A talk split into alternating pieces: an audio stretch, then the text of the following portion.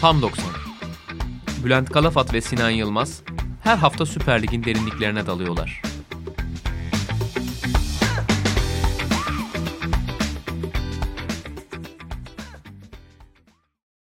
Sokrates Podcast'ten hepinize merhabalar. Tam 90'ın yeni bölümüyle sizlerleyiz. Her hafta olduğu gibi Sinan Yılmaz'la birlikte. Sinan hoş geldin. Hoş bulduk Bülent. Nasılsın? Teşekkür ederim. Sen nasılsın? İyi olmaya çalışıyorum diyelim. Bugün zor bir gün oldu benim için ama podcast kaydı her zaman moralleri yükseltiyor ve motivasyonu arttırıyor. Şu anda yüzüme de çok saçma bir gülümseme vurdu bir anda.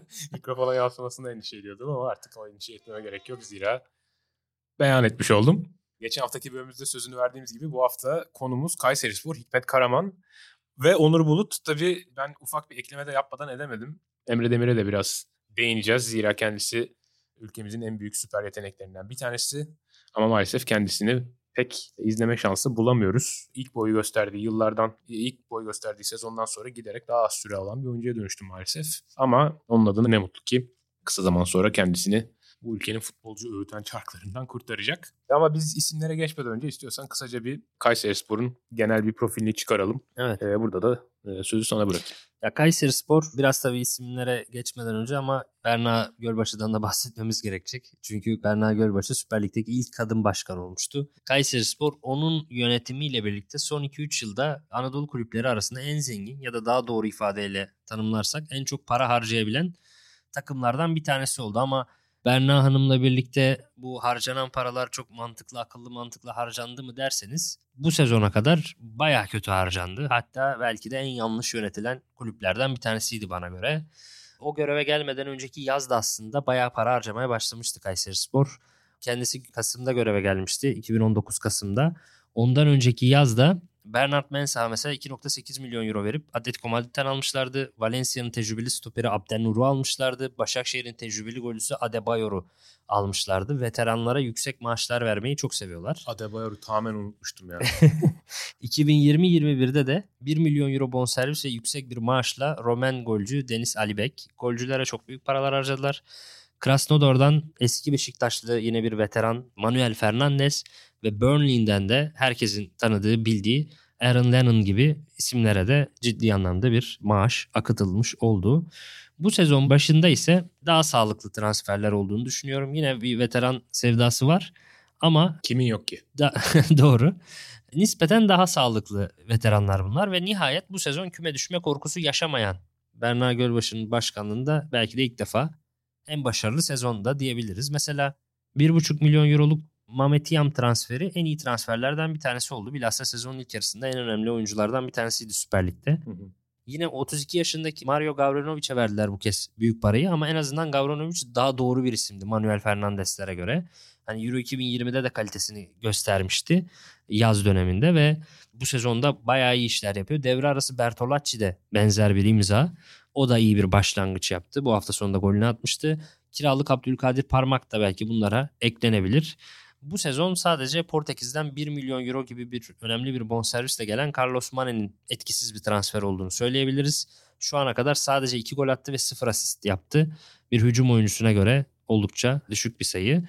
Ama yine de geçen sezonki başarısız ve boşa akıtılan paralara göre bu sezon daha tutarlı bir transfer dönemi e, görebiliyoruz Kayseri Spor'da. Tabii geçtiğimiz bu Berna Gölbaşı döneminde Emre Demir'e verilmeyen şansları konuşabiliriz ama kalede de kendisine doğan fırsatı çok iyi değerlendirdi ve Fransa'ya atabildi kendisini. Şu an itibariyle ligde 10. sıradalar. Kupada da Fenerbahçe ve Beşiktaş'ı eleyip yarı finale kadar yükseldiler. Fena bir sezon geçirmiyorlar. Kayseri Spor'un bana ilginç gelen yanı şu kadrosunun. Gavranovic ve Mustafa hariç yani iki santrforu hariç merkezdeki oyuncuları ligimizin standartları için bile çok düşük kalitede. Ama takımın kanat oyuncuları merkez oyuncularından bayağı bir daha iyi ve lig ortalamasında üstünde sayılır. İşte sen Tiam'a değindin. Cardoso'yu sayabiliriz ki Kayseri'nin hücum hattında işleyen parçalardan bir tanesi oldu. Önemli katkılar yaptı. İşte Galatasaray deplasmanında attığı gol belki ilk akla gelenlerden. Onun dışında işte Karol belli bir seviyenin üzerinde bir oyuncu. Vakti zamanında Galatasaray'ın sol bekliğini yapmış bir oyuncu. Diğer kanattaki bek Onur Bulut'u zaten özellikle değerlendireceğiz ki belki bu sezon takımın Tiam'la beraber en iyi oyuncuları arasında. Ama merkezdeki oyunculara bakıyoruz abi. İşte Attama, Campagnaro, İbrahim Akda, orta sahada çok kullanılan oyuncular bunlar oldular sezonda. Onların arkasında işte stoperde oynayanlar Kolovetsios, Uğur Demirok, Hosseini, Mert Çetin falan. Ciddi bir kalite düşüklüğü var orada ki zaten cepheyi savunmakta, ceza sahasına gelen topları savuşturmakta falan oldukça zorlanan bir takım. Bireysel hatalardan çok fazla şut ve gol yiyen bir takım Kayseri Spor. Hani normalde takımlar biraz daha omurgası oturtulur ve etrafına kanatlar Doğru. döşenir. Ama bir sağlam bir omurgaya sahip olmak istersin önce. Önce iyi bir stoperim olsun, iyi bir altım, iyi bir onum, iyi bir sekizim ve iyi bir İyi bir dokuzum. santrfor. Kayseri'de santrforlar tamam ama geri kalan parçalar pek değil. Hatta kalecinin de ayrılmasıyla işte Doğan'ın da ayrılmasıyla işte kale e, Lung ve Cenk'e kaldı. Lung belki belli bir standartın üzerinde bir oyuncu ama son haftalarda kalede Cenk'i görüyoruz ki Cenk'in de mesela en son oynanan Alanya maçında iki golde de daha iyisini yapabileceğini düşünüyorum. Ki hiçbir zaman çok ikna eden bir kaleci olmamıştı. Bu bakımdan enteresan bir takım. Kanatları güçlü, merkezi zayıf. Aynı zamanda çok çarpıcı skorlara imza atan bir takım Kayseri Spor. Onlardan da mesela hemen akla gelenler 18 Ekim'deki 6-3'lük Alanya mağlubiyetleri veya 12 Aralık'taki 4-2'lik Beşiktaş mağlubiyeti iki kere öne geçmişlerdi o maçta. Veya biraz daha yakından ve biraz daha Kayseri adına olumlu bir sonuç olarak 4 Şubat'taki 4-3 biten Hatay maçı. Kayseri Spor o maçı o gol düellosunu kazanmayı başarmıştı. Bu bakımdan izleyicilerine en azından gol ve heyecan vaat eden bir takım olduğunu söyleyebiliriz ki 28 hafta sonunda maçlarında en fazla gol olan 3. takım. 41 gol atıp 42 gol yemişler. En az şut atan ama rakiplerine de en çok şut izni veren takım. Bu da çok enteresan ki bu özellikle sıralamadaki yerleri bakımından çok garip. Çünkü bu istatistiğe sahip olan bir takımın ligin sonunda olmasını Evet, beklersin. Evet, kesinlikle. Ama değiller tam ortada yer alıyorlar.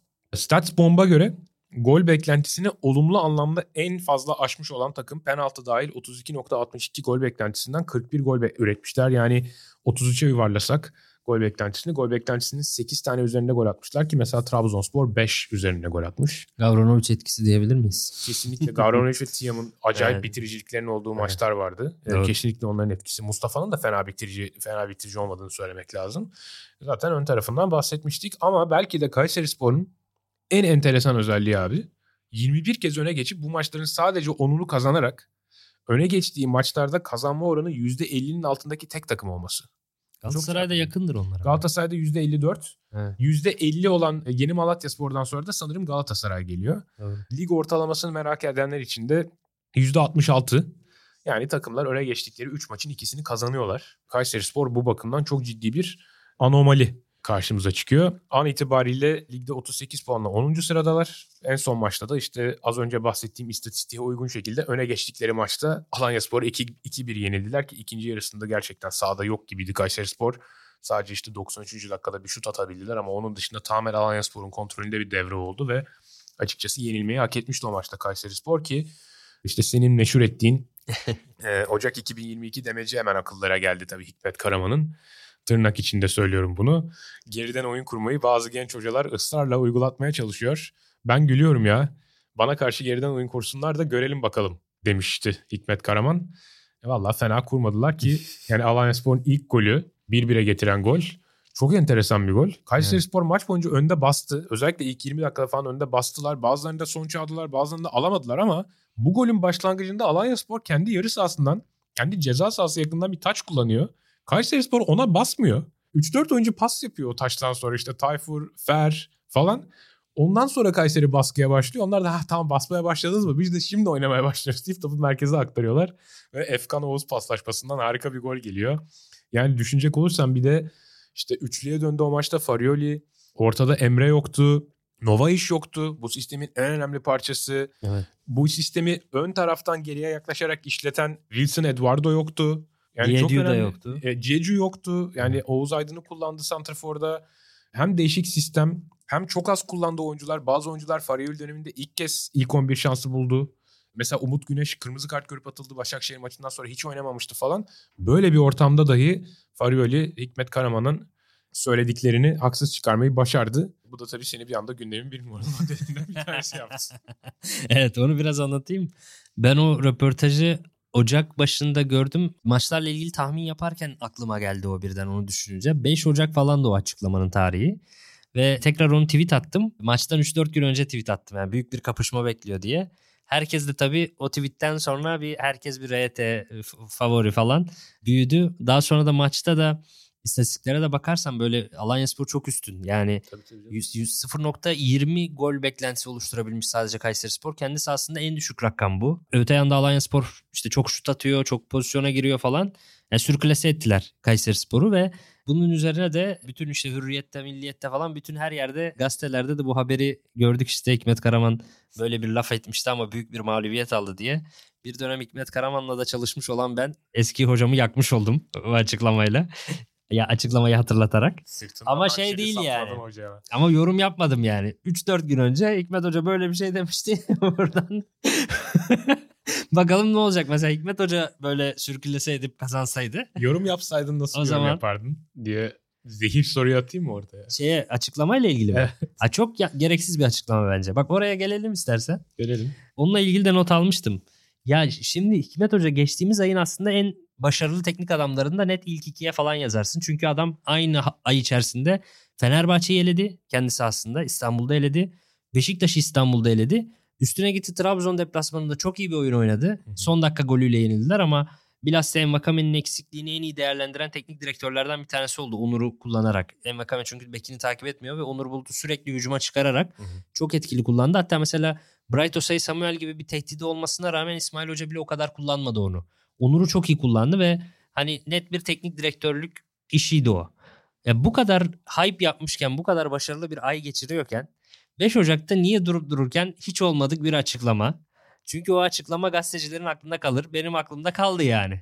Benim aklımda kalıp da ben de o tweet'i atınca bütün gazetelerde de haber oldu. Ama ben o bunun- açıklamayı görmedim. Görseydim kesinlikle benim de aklımda kalırdı. Ama gerek yokmuş zaten. Herkes biliyormuş. İşte- Tek ben bilmiyormuşum. Çok çok şey. Bir de Hikmet Hoca'nın seneler önce şey yaparken şimdi çok eskiden çalıştık. Daha sonra da böyle gazetecilik falan e, bir muhabbette şey demişti yani futbolcuyu yorumlarken çok kötü olduğunu söyleme. Çünkü yarın öbür gün önüne gelir. Futbolcular çok değişkendir kariyerlerinde. Çok kötü dersin çok iyi bir sezon geçirebilir veya çok iyi dersin. Öyle keskin ifadeler kullanmanın yanlış olduğuna dair bir şey vermişti yani fikir ve işte kariyeri çok tecrübeli bir adam işte senelerdir bu işi yapıyor falan. Çok da doğru bir şey fikir ama kendisi orada o fikre hiç uymamış ve 5 Ocak'taki 4 Ocak'taki açıklamasında biraz e, şey yapmış fevri fazla fevri davranmış. O fazla fevri davranmasını da şeye bağlıyorum. Ön alan baskısına çok inanıyor Hikmet Karaman. Onu biliyorum teknik adamlığından. Hatta işte Jürgen Klopp'un baskısını olsun, Alman teknik adamların gegenpressini olsun onu çok beğeniyor ve örnek almaya çalışıyor. O yüzden presin oyun kurmayı yenebileceğine dair inancı çok kuvvetli Hikmet Karaman'ın. O inanç da biraz o durumla birleşince geriden oyun kuranların bu sezonki başarısı Farioli'nin başarısıyla birleşince herhalde o şey geldi. Çok yüksek perdeden açıklama geldi ama o açıklama bence işte çok şey bir açıklama oldu. Adamın bu geçen ay boyunca işte hem Fenerbahçe hem Beşiktaş hem Trabzon'a karşı aldığı o başarılı güzel sonuçları birden geri plana atan bir duruma dönüştü. Yani aslında işin içine gençliği katmasa açıklamada çok fazla bir sorun yok. Doğru. Hani işin içine gençliği kattığın zaman okların Farioli'ye yönelmesi kaçınılmaz. Çünkü ligde genç olup arkadan ısrarla oyun kurduğun hoca kim? Farioli. Biraz İlhan Palut da yapıyor ama bu kadar şiddetli yapmıyor tabii. Evet. Yani Evet. o da tabii bir şey yarattı. Bir ayrım yarattı. Doğru. Kaçınılmaz bir şekilde. Doğru. Bu, ama bu arada bu Türkiye Kupası hadisesine de bir değinelim. Çünkü yine bana oradan oklar gelecek bir Lüleburgazlı olduğum için. Aynı sezon içerisinde Fenerbahçe ve Beşiktaş'ı Türkiye Kupası'nda eleyebilen son takım 87-88 sezonunda Sakaryaspor olmuş. Buna nasıl baktın? Ya onun muhabbeti geçmişti Twitter'da. Bakan da yine Alp Ulagay falan yani yine çok iyi Evet. bir gazetecinin Tamam. söylediği bir şeydi. Oradan 87-88'de Sakaryaspor birine 4 diğerine 5 atıyor Fenerbahçe ve Beşiktaş'a. Daha sonra da kupayı alıyor. Ama Fenerbahçe ile Beşiktaş'ı birlikte elemek bir paket herhalde. Çünkü 79-80 sezonunda da Lüleburgaz Spor yapıyor bunu. Benim memleket. Ama Lüleburgaz'da yarı finalde Altay'a 4 tane yiyip eleniyor. Hatta Beşiktaş ve Fenerbahçe'yi ard arda eledikten sonra Hürriyet Gazetesi'nin başlığı Abelüle ne yaptın büle şeklinde. Güzel bir başlık. Barkını bile başaran bir başlık yapmışlar. O zamanki Hürriyet ekibini Moder- geçmişe yönelik olarak tebrik ediyorum. Moderatörümüzü de güldürdü. Böyle bu güzel done ile birlikte Hikmet Karaman'a geçebiliriz herhalde. Bu arada bugün 9 Mart ve hocanın doğum günü. Hikmet Hocam. Karaman'ın doğum gününü de kutlarız. 9 Mart 1960 Giresun doğumlu. Bugün 62 yaşına bastı Hikmet Hoca nice yıllara, nice yaşlara. Teknik direktörlük kariyeri 1991'de bir Alman kulübü olan Türkspor'da başlıyor ki bugün o kulübün adı Türkspor Berlin. Bunun devamında Kocaelispor ve Galatasaray'da iki farklı dönemde Reinhard Zaftig'in yardımcılıklarını yapıyor. Bir dönemde Mustafa Denizli'nin yardımcılığını yaptıktan sonra Ekim 1996'da Kocaelispor'un başına geçerek Türkiye'deki teknik direktörlük kariyerini başlatıyor. An itibariyle Kayseri'de 3. dönemini geçiriyor Hikmet Karaman. 26 yılda iki kez Kocaeli Sporu, iki kez Rize Sporu, dört kez Ankara gücünü çalıştırmış. Aralarda Alanya Spor, Bursa Spor, Gaziantep, Kayseri Erciyes Spor, Manisa Spor, Antalya Spor, Erzurum Spor ve Zeytinburnu Spor gibi pek çok farklı macera da var. Ülkeyi karış karış dolaşmış teknik adamlarımızdan bir tanesi. Ve o teknik adamlarımızın çoğu gibi Hikmet Karaman'ın da şöyle bir özelliği var. Takımlarda fazla durmuyor. Aralık 2014, Ekim 2017 arası Rize Spor'da geçirdiği 3 sezona yakın süreç dışında İşte o sezonda biz de scoutluk yapmıştık. Yani Ha. en uzun adamın kariyerinin en uzun döneminde çok kü- küçük tabii olsa bir dönem biz de varız. bir, bir düzen kurabildiği, bir ekip kurabildiği tek dönem herhalde. Onun dışında iki sezondan fazla kaldığı tek süreç Aralık 2000, Ekim 2002 arasında Kocaeli'de. Yani bunlar dışında hep bir sezonluk ya da yarım sezonluk birliktelikleri var ve bir sezon başlarını çok seven bir hoca değil. Sezonlara kendi kurduğu takımlarla pek fazla başlama imkanı olan bir teknik direktör olmadı hiçbir zaman. İşte 98-99 sezonda bir Erzurumspor'un başında sezona başladığı dönem var. 2013-2014'de Bursaspor'un başında başlamıştı ama çok kısa sürmüştü o. Ağustos bitmeden ayrılmıştı yollar. Hatta takımları devralışlarının aylara göre dağılımına baktığımız zaman ortaya şu çıkıyor. Ocak ayında iki kez, Şubat ayında dört kez, Mart ayında üç kez takım devralmış ki bunlar işte zaten küme düşme adaylarının yavaş yavaş alarm çalmaya başladığı aylar. Beş kere de Aralık'ta var. Aralığı da işin içine katarsak zaten buradan hocanın teknik direktörlük profiline dair çok net bir done ortaya çıkıyor. Nisan, Mayıs, Haziran aylarında hiç takım devralmamış. Temmuz'da ve Ağustos'ta birer kez takım devralmış. Eylül'de iki, Ekim'de de üç kere takım devralmış ama ağırlığın Aralık, Ocak, Şubat, Mart o 4 aylık bölümde olduğunu görüyoruz ki hocanın şu ana kadar devralıp da kümede tuttuğu takımların tamamına dair çok detaylı bir dökümü 13 Nisan 2021 Tardini büfede Emre Özcan'ın anlatımıyla dinlemeniz mümkün. Çok güzel bir bölüm. Tek tek Hikmet Evet. Karaman'ın başına geçip de felaketten kurtardığı, kiminin başına Eylül'de gelip, kiminin Evet. başına Ocak'ta gelip Çok güzel bir bölüm. e, düşme hattından kurtardığı takımların hepsini tek tek döküm var ama mesela birkaç örnek vermek gerekirse 99-2000 yılında sezonunda 10. haftada Adana Spor'un başına geliyor. Adana Spor'un 6 puanla son sırada yer aldığı bir anda 24 maçta 12 galibiyet kazandırıyor Hı. takıma ve orta sırada bitiriyor takım. İşte 2010-2011'de 5. haftada mesela bu sefer Manisa Spor'un başına geliyor. Onların da mesela galibiyeti yok. 30 haftada 13 galibiyet alıyorlar. On- 10. bitiriyorlar sezonu gayet konforlu bir şekilde. Ve 2012-2013 23. haftada Antep'in başına geçiyor. Mesela bu sefer biraz daha çanlar çalmaya başlamışken geliyor daha zor bir anda. İşte onları sondan 4. sırada alıp 12 haftada 21 puan toplatıyor ve 10. sıraya taşıyor. Gibi gibi bunun gerçekten oldukça uzun bir listesi var Ama ve Emre hepsini anlatmıştı geçen Hikmet sene. Hoca'nın yerinde o zaman Emre'yi arayıp teşekkür ederim. Çünkü yani bu dünyadan göçüp gittiğinde bile geriye kalabilecek böyle şey almanak gibi bir dokümandı. Hikmet Karaman anlatısıydı. Hani çok da güzel geçmişe yani 5 yıl sonra falan da tekrar bakabilirsin o bölüme yani öyle güzel bir bölümdü. Bu arada o az önce bahsettiğin Gaziantep bölümünde de bir dönem Hikmet Karaman'la birlikte şey yaptık, çalıştık. Gaziantep döneminde de o sezon işte 10. sıraya yükseldikleri sezonun yazı ya da işte o dönemde bir yerde işte bir 6 aylık bir scoutluk şeyim oldu. Ondan sonra askere gitmiştim zaten. Kalmıştı. Hoca da Antep'ten ayrılmıştı. O dönemde önerdiğim isimler Abdurrazak Traore ve Yatabare. Traore transferi gerçekleşti. Yatabare transferi de olmadı ama sonra Sivasspor falan oldu. Trabzonspor olmuştu. O bir detay. Daha sonra kendisiyle 2015-16'larda falan çalıştık herhalde. Rize Spor'da ama o zaman Orhan Uluca ile Hikmet Hoca birlikte çalıştı.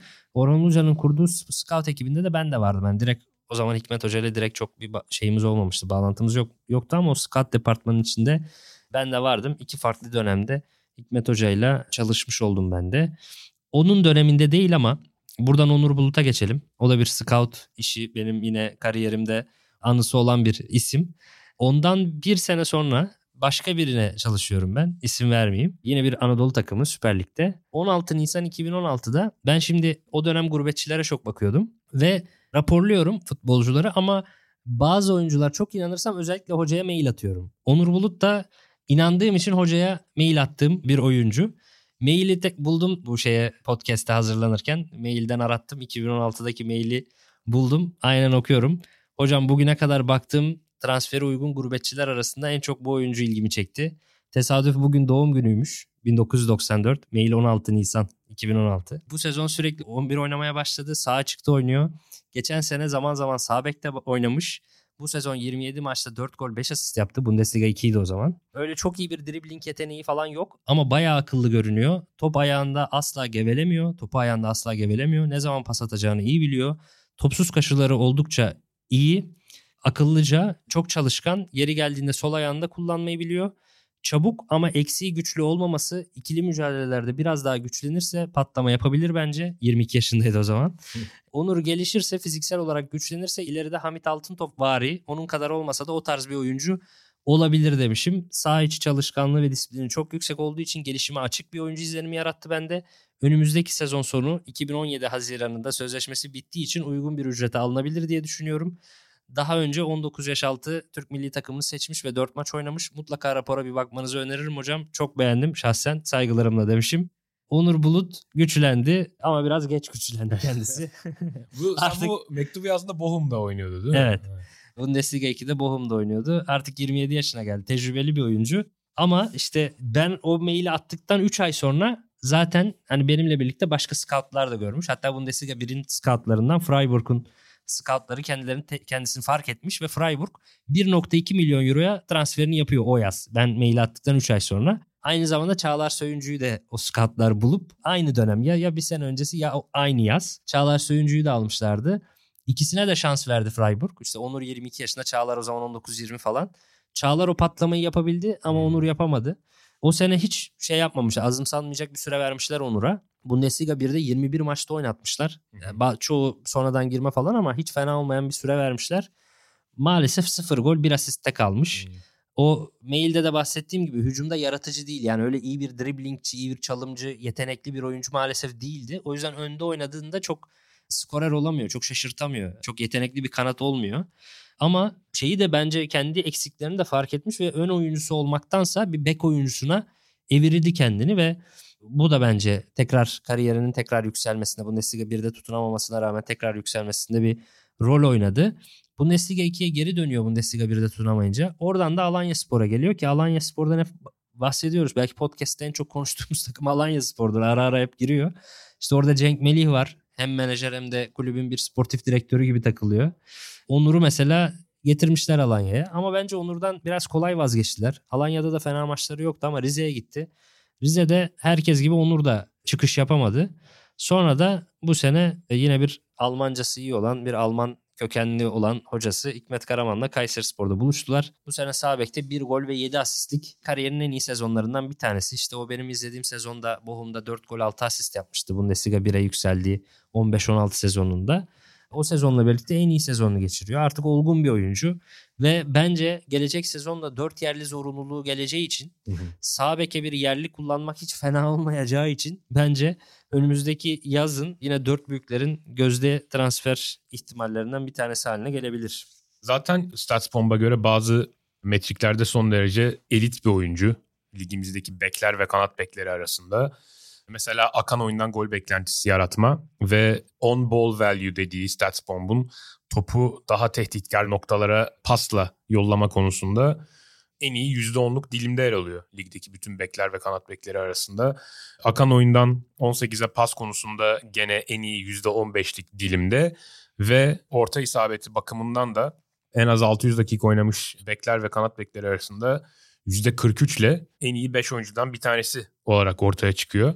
Onur Bulut ki zaten sen de 7 asist yaptığını ifade ettin. Bunların bir sonucu olarak bol bol asiste yaptı. Tabii kadroda bir de Emre Demir diye bir süper yetenek var. Barcelona'nın B takımına gitmeye hazırlanıyor genç oyuncu. Ligimizde rekortmen bu arada en genç gol atan, Süper Lig'in en genç gol atan rekoru onda. Aynen öyle. önemli. Hatta Emre Demir o golü attığı sıralarda nerede olduğumu falan da çok iyi hatırlıyorum. Senle Karagümrük'ün rakibinin kim olduğunu hatırlamıyorum ama Karagümrük'ün içeride oynadığı bir maçı izlemek üzere şeyinde Fatih'teki stadda buluşmaya gidiyorduk. Ben de o sırada e, yolda şeyi dinliyordum. Kayserispor'un maçını dinliyordum. Hmm. Ve Emre Demir'in gol attığı şey gelmişti işte. E, anons falan gelmişti. Çok heyecanlanmıştım. Çünkü o sırada da 16 yaşına basmamıştı Emre. Evet. Yani 15 yaşın 15 yaşında ve 300 küsür günlük bir çocuktu. Çok mutlu olmuştum. Ve açıkçası yani programın bu kısmının Emre Demir'le ilgili olacağını olmasını çok isterdim. Hı hı. Keşke Evet. Emre Demir daha fazla süre alsaydı. Fakat şu ana kadar ligde yani bu sezon ligde 3 maçta toplam 16 dakika forma şansı buldu ki bunlardan bir tanesi ilk yarıdaki Trabzonspor maçının son dakikalarıydı. Ve o son dakikalarda da Emre Demir oyuna girdikten sonra hep inisiyatif aldı. Topu aldıktan sonra dikine gitmeyi denedi. İkili mücadelelere girdi ve Kayserispor'un hatta maç biterken bir iki tane korner kazanmasına bile vesile olmuştu. Aslında çok az süre buluyor olması da çok garip. Çünkü 19-20 sezonunda oynadığı maçlarda gayet iyi gözükmüştü. İşte senin de az önce belirttiğin gibi gol atan en genç oyuncu rekorunu kırmıştı. Beşiktaş'a karşı İstanbul'da oynadığı bir maçı hatırlıyorum mesela. E, Herhalde onda da senle basın tribünde Evet, olmamız gerekiyor. 4 bir Doğru. Beşiktaş kazanmıştı. Doğru. Ama Emre Demir gayet kendisinden 10 yaş büyük futbolcularla 10-15 yaş büyük futbolcularla gayet korakor mücadele verebilen, hiçbir fiziksel temastan kaçmayan hatta fiziksel temasları başlatan oyuncu profilindeydi.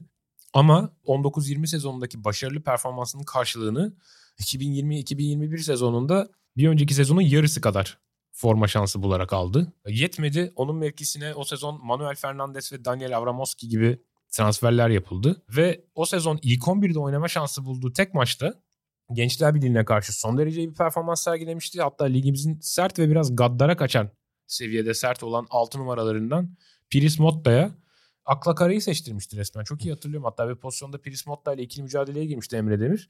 Motta yerde kalmıştı ve hakeme dönüp hocam bu nasıl iş falan demişti. Hoca da hakem kimdi hatırlamıyorum ama yani farkında mısın kimden şikayet ettiğini falan gibilerinden bir şey olmuştu. Böyle bir diyalog yaşanmıştı. Yani resmen bir çocuk seni çimlere gömdü falan demişti. Emre çoktan Piris Motta yerde işte faal falan beklerken çoktan topun peşinden koşup pozisyon devamından gidiyordu falan. Böyle anlar yaşanmıştı yani. Ama e, hani belki bu sezon biraz daha şey olur falan demiştim. Hatta bu sezonun ilk yarısında Fernandes kadro dışı bırakılınca bir ümitlenmiştim. Acaba şimdi Emre'ye bir şans doğar mı falan diye. Ama maalesef devre arasında 1 milyon euro bedelle Bertolacci'yi transfer ettiler ve şu anda da takımın ilk 11 oyuncusu o. İki orta saha oyuncusunun önünde Bertolacci oynuyor. Ve maalesef Emre'yi göremiyoruz. Aslında kupada şans buldu bu sezon.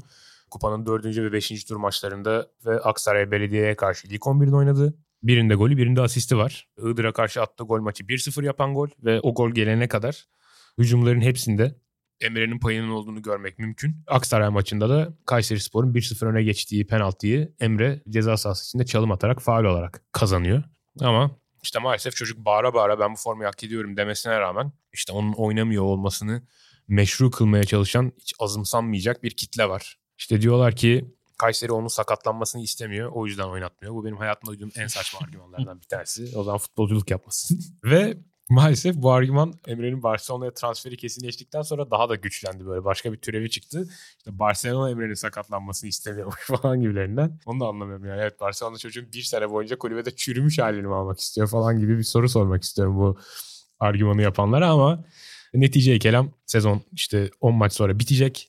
28 maç bitti. 10 maç kaldı geriye ve görünüşe bakılırsa Emre Demir Hikmet Karaman'ın planları arasında yer almıyor. Hani onu bu saatten sonra çok fazla görürsek şaşırmam. Belki işte son 4-5 maç Kayserispor'un böyle küme düşme hattından bir 8-10 puan yukarıda olduğu bir dönem olursa Gene olmaz çünkü yayın gelirlerini çok önemsiyorlar ve o maçları da kazanmak için oynuyorlar. Yine genç yeteneklerini oynatmıyorlar. Yine olmaz ama hayal İki ay sonra- iki ay sonra Barcelona B takımında izlersin Bülent'ciğim diyeyim. Onu Barcelona'nın ikinci takımına falan kiralarlar herhalde. Bu Iñaki Peña'nın da Hmm. oynadığı. Orada güzel süre alacağını düşünüyorum İspanya'nın ikinci, üçüncü liginde ve beklenen patlamayı gerçekleştirirse belki bordo mavi formayla izleriz. Olur. Çok da güzel olur. Ama o zamana kadar anladığım kadarıyla biraz hani Instat'tan falan böyle pek sağda solda yayınlanmayan maçların biz çok şanslı insanların erişebildiği videolarla bu şekilde Emre'yi takip etmemiz gerekecek. Yani maalesef o ilk sezondan sonra ben Emre'nin daha giderek artan süreler alacağını hayal ettim ama yanılmışım. Benim için de iyi bir ders oldu. Bakalım kariyeri nasıl devam edecek sevgili Emre'nin. Ağzına sağlık abi. Senin de. bölümü burada noktalayabiliriz bence. Önümüzdeki haftalar için harika planlarımız olduğunu belirtmiştik bir önceki bölümümüzde ama e, şimdilik sonraki bölümün konusu bizde saklı kalsın. Hepinize çok teşekkür ederiz dinlediğiniz için. Önümüzdeki bölümümüzde görüşmek üzere. Kendinize iyi bakın. Hoşçakalın.